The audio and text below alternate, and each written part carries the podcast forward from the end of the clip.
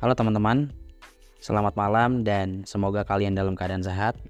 Ya memang sulit sekali untuk bikin konten secara konsisten, tapi mari kita coba terus supaya uh, bisa konsisten betulan. Jadi malam ini aku mau ngobrol sedikit ke rekan-rekan semua tentang distraksi. Menurut aku secara pribadi distraksi paling besar dalam atau ketika kita melakukan sesuatu itu adalah gadget.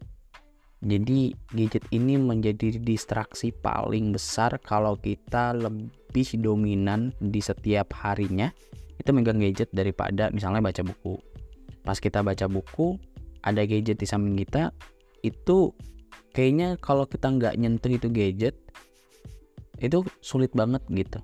Atau kita bertahan dalam waktu yang cukup lama untuk baca buku, baca jurnal atau ngejurnal. Kalau ada gadget di dekat kita, kita kayak akan terpanggil untuk megang gadget dan buka gadget kita gitu loh. Padahal sebenarnya nggak ada notif apa-apa. Ya itu memang adalah distraksi paling sulit menurut aku dan sampai hari ini pun aku juga belum bisa punya lah, tips konkret gitu untuk bisa naklukkan distraksi ini tapi ya kita coba terus dengan cara kita konsisten untuk baca buku, kita konsisten untuk ngejurnal, kita konsisten untuk baca jurnal dan melakukan hal-hal yang lain selain uh, megang gadget.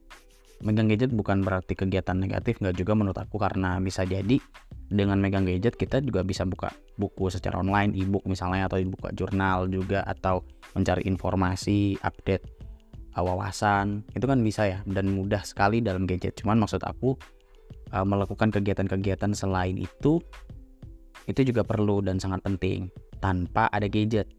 Nah waktu-waktu megang gadget itu juga kita harus bisa manage dengan baik gitulah bisa kelola dengan baik supaya uh, tidak menjadi distraksi ketika kita melakukan hal lain tanpa gadget.